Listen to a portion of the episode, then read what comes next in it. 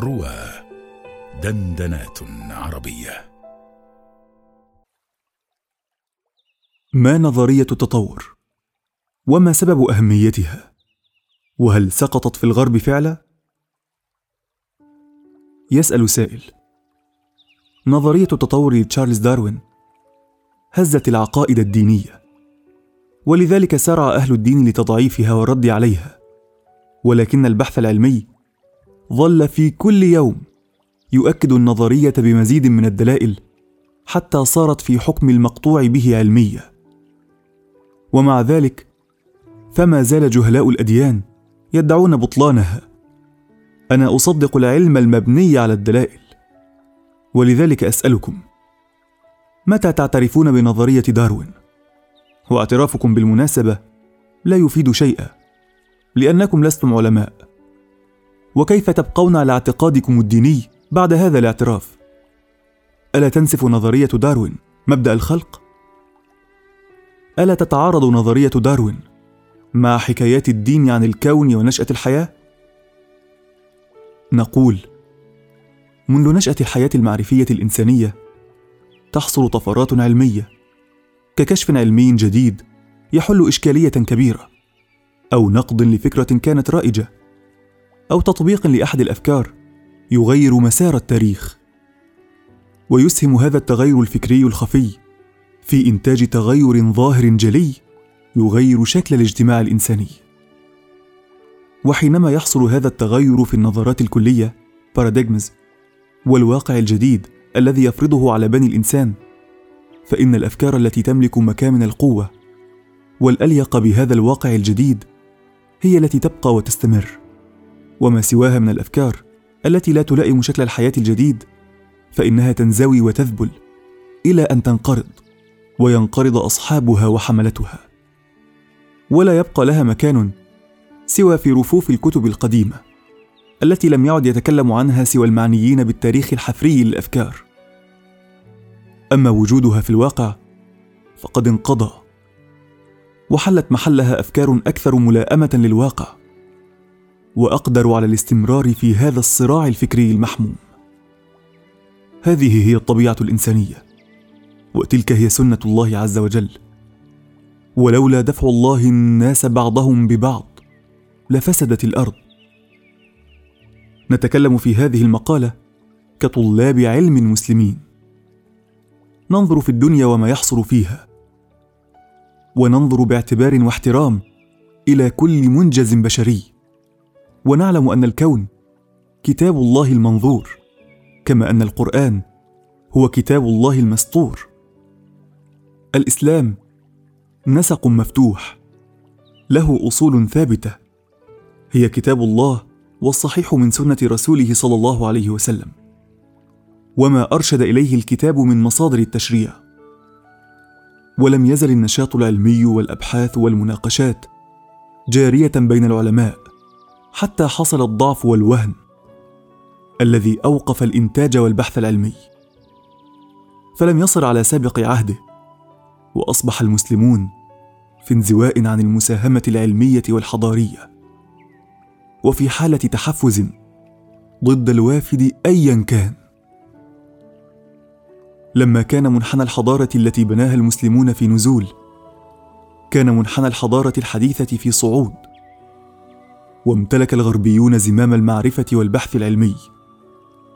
وصارت مراكز العلم في لندن وباريس وبوسطن بعد أن كانت في بغداد والقاهرة وقرطبة.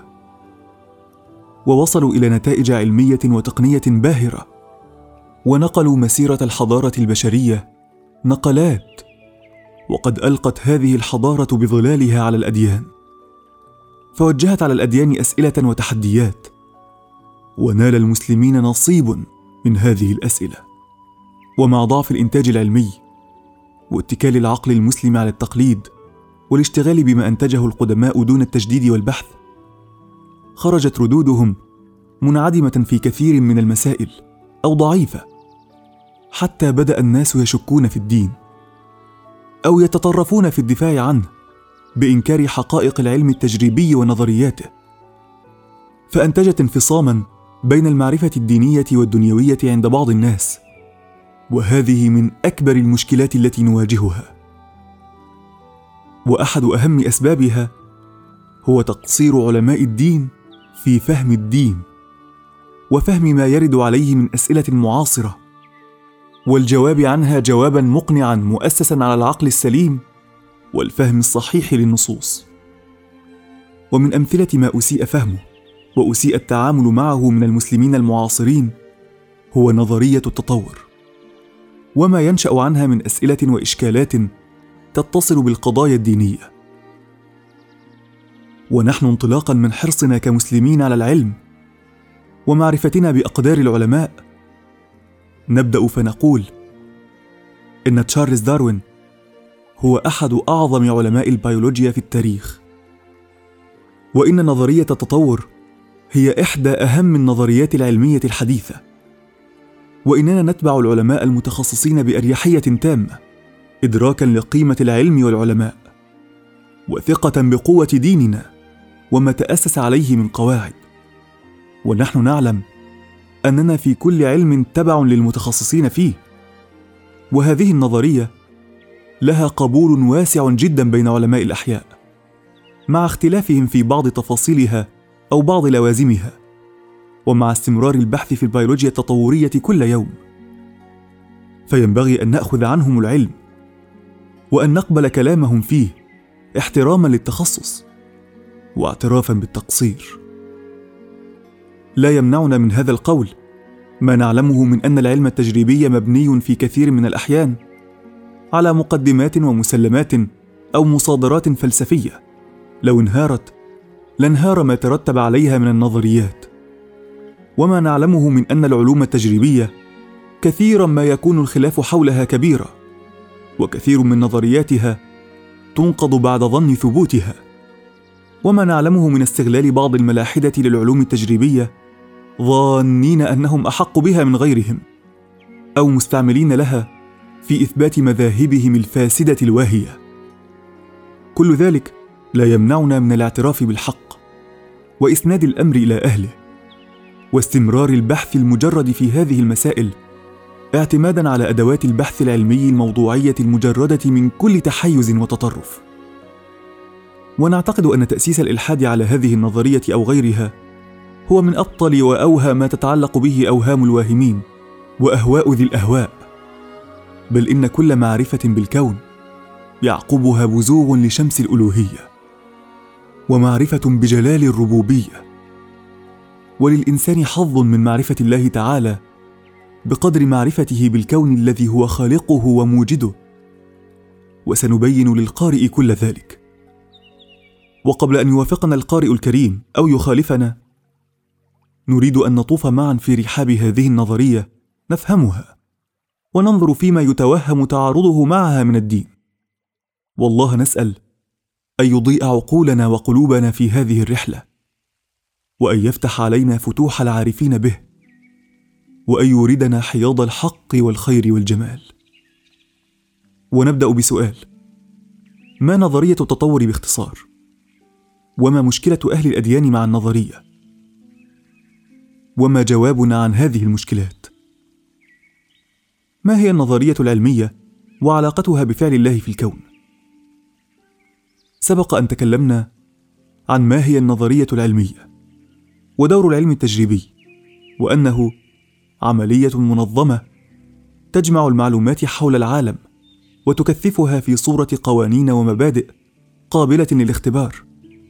فإذا حصل واستطاعت النظرية العلمية أن تتنبأ تنبؤات صحيحة فإنه لا يمكننا القطع بأن النظرية صحيحة بشكل مطلق.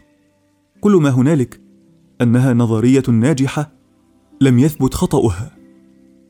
فإذا زادت المشاهدات فربما تنقض هذه النظرية إذا فشلت في تفسير المشاهدات الجديدة. مفهوم التدخل الإلهي في الكون. وتكلمنا عن أن فعل الله في الكون ليس على طريق الاعتراض. الانتربشن ولا يعني أن الكون يعمل بنفسه ثم يحتاج أحيانا إلى تدخل إلهي ليصلح الخلل الذي يحصل. وإنما التدخل الإلهي هو نفس إقامة قانون الأسباب وخلق الأشياء على وفق أسبابها. فالله هو القيوم وهو سبحانه لم يترك الكون حتى يتدخل فيه وليست القوانين الطبيعية أو laws of nature إلا الطريقة الكاشفة عن النظام الذي أقام عليها كونه ورتب عليها خلقه. وإن محاولة معرفتها على قدر الطاقة البشرية والعمل بمقتضاها إنما هو خضوع لإرادة الله. ما الحاجة للبحث في المسألة أصلا؟ فإذا تقرر كل هذا فقد يسأل سائل ما الحاجة أصلا لمناقشة هذا الموضوع والبحث فيه. فاولا نقول إننا كمسلمين ينبغي أن نكون أحرص الناس على معرفة النظريات العلمية. ذلك أن هذا عبارة عن معرفة عادة الله تعالى في خلقه ونظامه الذي أقام عليه الكون. وإن ذلك باب كبير لمعرفة الله تعالى إذ نعرف الله تعالى من أفعاله. والكون كله هو فعل الله تعالى. وما العلم التجريبي إلا محاولة لفهم ذلك النظام السببي الذي يجري على وفقه هذا الكون. يقول الإمام أبو حامد الغزالي في معرفة الله تعالى وتفاوت مراتب الخلق في ذلك فليس من يعلم أنه عز وجل عالم قادر على الجملة كمن شاهد عجائب آياته في ملكوت السماوات والأرض وخلق الأرواح والأجساد واطلع على بدائع المملكة وغرائب الصنعة ممعنا في التفصيل ومستقصيا دقائق الحكمة ومستوفيا لطائف التدبير ومتصفا بجميع الصفات الملكية المقربة من الله عز وجل نائلا لتلك الصفات نيل اتصاف بها بل بينهما من البون العظيم ما لا يكاد يحصى. ويقول كلما ازداد العبد إحاطة بتفاصيل المقدورات وعجائب الصنع في ملكوت السماوات كان حظه من معرفة صفة القدرة أوفر. ويقول في معرفة أسماء الله الحسنى المشتقة من أفعال الله كل ما في الوجود من أفعال الله تعالى وبقدر اتساع معرفته فيها يكون حظه من معرفة الأسماء. وذلك يستغرق العلوم كلها. وبهذا الفهم ازدهرت الحضارة وتطور العلم والفن والجمال. فالسؤال الذي هو محل بحث نظرية التطور هو هل هناك نظام يمكن الكشف عنه؟ يفسر تنوع الكائنات الحية وتعقدها أم لا؟ كما أن نظريه الجاذبية تفسر حركة الأجسام. إن نظرية التطور هي من أشهر النظريات التي خاضت في محاولة فهم النظام السببي الذي يتبعه عالم البيولوجيا بل هي الوحيدة الآن القائمة الثابتة المفسرة لجمع كبير من المشاهدات المختلفة وهي تتضاعف مع الزمن بل كلما زاد علم البشر بحقائق البيولوجيا وجدوا النظرية تفسر الاكتشافات الجديدة تفسيرا متناسقا مع ما سبق من الاكتشافات. وكلما تنبأت بأمور إذا بالعلماء يجدون الأمر كما تنبأت النظرية. وهذا الدور الكلي الذي تقوم به النظرية في التفسير والتنبؤ الناجح لا يوجد تفسير علمي في صورة قواعد كلية يمكن اختبارها غيره في علم الأحياء إلى يومنا هذا. فمن هذه الناحية أخذت النظرية منزلتها بين علماء البيولوجيا وغيرهم. حتى صارت من حيث مبادئها الأساسية محل اتفاق. وإن حصلت النقاشات في تفاصيل واختلافات فرعية تتعلق بها. ثم إن هذه النظرية العلمية قد أثارت نقاشات عديدة في علوم الاجتماع والفلسفة والدين فأثارت نقاشات كبيرة تتعلق بالحقائق الدينية ووجود الإله وخلقه للكون. فتعين الاهتمام بها وفهمها. ثم فصل ما جاءت به من حقائق علمية عما تلبست به من فلسفات هي غير لازمة عن نفس النظرية. وسنشرع الآن في حكاية السياق التاريخي للنظرية. ونحكي باختصار عنها وعن أدلتها قبل أن نشرع في مناقشة القضايا الدينية المثارة على إثرها. ما قبل داروين؟ لقد كان الدين المسيحي هو محور الحياة والفكر في العالم الغربي. ومنذ عصر التنوير والنهضة صارت القناعات المشهورة المتلقاة من الفكر المسيحي تهتز وتضعف. وكلما تقدم العقل الأوروبي خطوة إلى الأمام تراجعت الكنيسة خطوة إلى الوراء. فقد كان هناك اعتقادات سائدة في أوساط القساوسة منها أن الأرض هي محور الكون وأن الله خلق الكون منذ نحو خمسة آلاف سنة استنادا إلى نصوص في سفر التكوين. وأن الله خلق كل حيوان على صورته الحالية خلقا مباشرا كما يفهم من سفر التكوين كذلك. يعني خلق الحصان على هيئته هكذا من عدم. وخلق الأنعام والأسماك وكل الكائنات الحية خلقا مباشرا على صورتها التي نعرفها الآن. وأن ما بقي من الكائنات فهي الكائنات التي ركبت على سفينة نبي الله نوح عليه السلام. فنجت من الطوفان العظيم الذي غمر جميع الأرض.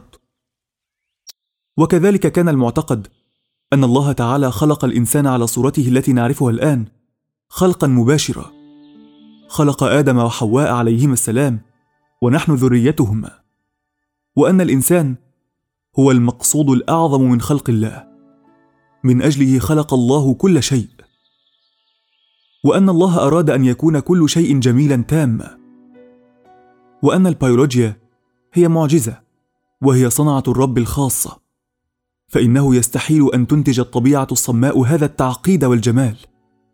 فلا يمكن أن نفسر معجزة البيولوجيا تفسيرا سببيا لأنها ليست من صنع الطبيعة بل هي من صنع الله. وقد كان من أهم الأدلة على وجود الله في الفكر المسيحي هو دليل الغائية. أو التلولوجي وما تركب منه وعرف بدليل صانع الساعات للقسيس والفيلسوف المسيحي ويليام بيلي الذي خلاصته ملاحظة النظام والتصميم في الموجودات الحية. فكما أن الساعة فيها أجزاء مصممة فتحتاج إلى مصمم يصممها فالموجودات الحية تصميم يحتاج إلى مصمم. وسيأتي الكلام بتفصيل أكثر على هذا الدليل ومناقشته في مقالة قادمة. ثم جاءت نظرة أخرى للكون وجاء تشارلز داروين وهز الكثير من المعتقدات السابقة. وقبل الخوض فيها تفصيلا نحتاج إلى تحرير بعض المسائل. ما ليس محل بحث نظريه اولا نقول إن نظرية التطور لا علاقة لها بسؤال ما سبب وجود الكون إن كان له سبب ولا عن طبيعة الوجود. هل هو واجب في العقل؟ أو ممكن مفتقر محتاج إلى موجد وكذلك لا تتكلم النظرية عن سؤال نشأة الحياة. لماذا هناك كائن حي؟ فهذه تتصارع فيها نظريات أخرى ما بين طريقة التكوين غير البيولوجي abiogenesis حيث تقول هذه النظرية إن الحياة وجدت عن طريق تفاعل كيميائي للمادة في ظروف معينة. نتج عنه تكون الجزيئات التي تولد مثيلاتها self-replicating molecules. ومن ثم نشأت الحياة من أصل غير حيوي وبين طريقة التبذر الشامل بانسبرميا والتي تقول إن الحياة جاءت عن طريق موجودات حية كانت في بعض النيازك التي ضربت الأرض. وهذه الثانية تحول السؤال إلى فكيف نشأت تلك الحياة أصلا في الفضاء؟ إلى آخره. فنظرية التطور خارجة عن كل ذلك ولا تبحث في أصل الحياة في الكون. محل بحث النظرية. أما محل بحث النظرية فهو تنوع وتعقد أجناس وأنواع الكائنات الحية. كيف حصلت؟ كيف تكونت وتركبت هذه الموجودات الحية المعقدة؟ فهي تشرح هذه العملية في نسق التطور عبر آلية الانتخاب الطبيعي. فالتطور هو التغير في الصفات الوراثية عبر الأجيال المتلاحقة. فالنظرية تبدأ من وجود الحياة على الأرض وتفسر من الناحية الطبيعية. Naturalistic explanation أي من حيث النظر إلى الأسباب الدنيوية العادية وطبيعة الكون وقوانينه كيف تنشأ الأجناس الحية المختلفة. وهذه النقطة من أول النقاط التي جاءت النظرية فيها بضربة كبيرة للفكر السائد في ذلك الوقت. إذ كان المعتقد أن البيولوجيا هذه هي سر الله ومعجزته. فلو استطاع العلم أن يفسر حركة الكواكب مثلا فإن هذه المعجزة مما يستحيل محاولة تفسيرها لأنها خلق الله. ونحن كما ذكرنا وكما سنفصل لاحقا نعتقد أن الله خالق كل شيء. لكنه أراد أن يجري خلقه على وفق قواعد مضطردة وقوانين كونية. يمكن أن نفهمها ونستثمرها. ولا فرق في ذلك بين البيولوجيا وغيرها. شرح النظرية. فإذا تبين هذا فنقول النظرية تشرح حصول التعقيد في الموجودات وكيف وجدت الأجناس المختلفة. فتقول النظرية إن الموجودات الحية كلها تطورت من موجودات سابقة. كلها في النهاية ترجع إلى موجود ذي خلية واحدة one celled organism. ثم النظريه تشرح كيف حصل هذا التطور من تلك الخلية إلى أن وجدت خلايا متعددة. ثم زاد تعقيد الخلايا إلى ما هو أعقد منها إلى أن صارت موجودات ذات تعقيد شديد. وتفرع عن كل هذا كل الموجودات الحية. فلو جئت لقطة مثلا ونظرت في أسلافها وانتقلت من جدود إلى جدود عبر أجيال ماضية طويلة فإنك ستجد كلما رجعت لأجيال من الوراء تغيرات واختلافات واجناسا تتغير إلى أن تصل إلى صورة ساذجة لكائن حي له خلية واحدة. وقد حصل هذا التحول عن طريق الانتخاب الطبيعي حيث تورث الكائنات الجديدة صفات معينة يكون حالها أكثر صلاحية وأوفر حظا للبقاء والعيش. فالذي تشرحه نظرية التطور الحديثة أن كل كائن حي يملك مكونات أساسية. هي التي تحدد صفاته وكيف يكون وهي الحمض النووي. والمكونات الأساسية للحمض النووي هي واحدة لكل الكائنات الحية وتختلف الكائنات باختلاف التركيبات وعدد المكونات التي تشكل سلسلة الحمض النووي. ثم إن المركبات الأساسية للحامض النووي هي الجينات وهذه الجينات أحيانا يحصل فيها طفرات على سبيل الصدفة أو العشوائية هذه طبيعتها. ثم بسبب ذلك change in genotype يحصل تغير في الكائن الحي في الظاهر in the phenotype لأن الجينات لها أثر مباشر على الوجود في الظاهر الخارجي. ثم هذا التغير إما أن يجعل فرصة الكائن الحي في البقاء أفضل أو لا فإن كان أفضل وأكثر ملائمة للظروف البيئية التي يعيش فيها فيبقى وينتج ذرية تحمل نفس صفاته أو قريبا منها. ثم يتم توريث هذا التغيير الأصلح الجديد إلى الذرية الجديدة. وفي المقابل الأفراد الأخرى التي لا يحصل لها تلك الطفرة تكون بالتالي أقل حظا في البقاء منه لكونها فاقدة لذلك التغيير الذي يجعلها أحظ للبقاء وأصلح له وأقدر عليه. فالتغير الجيني عشوائي ولكن الانتخاب الطبيعي ليس عشوائيا. إذ لا يختار وينتخب إلا الأصلح للبقاء. ثم مع الوقت يبقى الأصلح للبقاء ويفنى الأقل صلاحا للبقاء كما هي طبيعة الحياة. ثم تأتي طفرة جديدة جينية عشوائية كذلك. إما أن تزيد هي الأخرى من فرصة البقاء للكائن الحي أو لا. فإن زادت من فرصته وقدرته على البقاء استمر وإلا فني وانقرض. وإنما نتعجب من ملائمة الكائنات الحية الحالية لبيئتها ووظائفها البيولوجية لأن المتأقلم الناجي عبر التاريخ الطبيعي أقل بكثير جدا من المنقرض. فإن العلماء يقدرون أن حوالي 99% من جملة الكائنات الحية منذ أول الحياة على الأرض منذ بلايين السنين قد انقرضت ولا يبقى إلا نسبة قليلة وهي تلك الأكثر ملائمة للحياة والبيئة. أسباب قبول النظرية في الأوساط العلمية. استطاعت النظرية أن تفسر امورا كثيرة وتتنبأ بها. ودليل قوة أي نظرية هي قدرتها التنبؤية والتفسيرية. فقد تنبأت النظرية بوجود الحفريات في طبقات معينة وعدم وجودها في طبقات أخرى أي بوجود الحيوانات المعقدة في الطبقات الأعلى التي هي أحدث ووجود غير المعقدة في الطبقات الأعمق الأقدم من الأرض. وحصل ما تنبأت به النظرية فعلا. فإن مقتضى النظرية أن الموجودات الحية كانت قبل بلايين السنين كائنات حية أحادية الخلايا بسيطة. ثم تطورت هذه إلى ما هو أعقد منها وذلك إلى ما هو أعقد منها. فكلما كشف عن طبقة من الأرض عمرها أكبر كان ما فيها من الحفريات التي حفظت هياكل الموجودات الحية هي حفريات لحيوانات بسيطة غير معقدة. وتنبأت بصفات الكائنات التي يتوقع أن توجد في أزمنة معينة دون أزمنة أخرى بصفات معينة. متوافقة مع الشجرة التطورية للحيوانات. وكذلك فسرت النظرية سبب وجود بعض الحيوانات في قارات معينة وعدم وجودها في قارات أخرى. وفسرت النظرية سبب وجود تشوهات في بعض المخلوقات الحية نتيجة الطفرات الجينية العشوائية.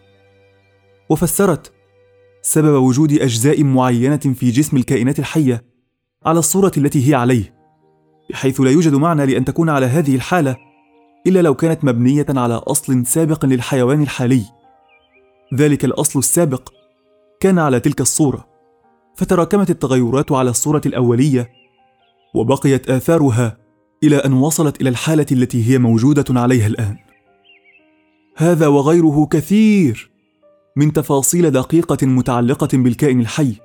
لا تفسير له حتى الآن من حيث النظر في السؤال عن السبب العادي للكون أي عادة الله في خلق الكون إلا نظرية التطور. فهي تفسر ذلك كله وتتنبأ بأمور وتأتي النتائج على وفق ذلك. فهي نظرية قوية لم تنقض. ناجحة في التفسير صامدة أمام الكثير من التحديات.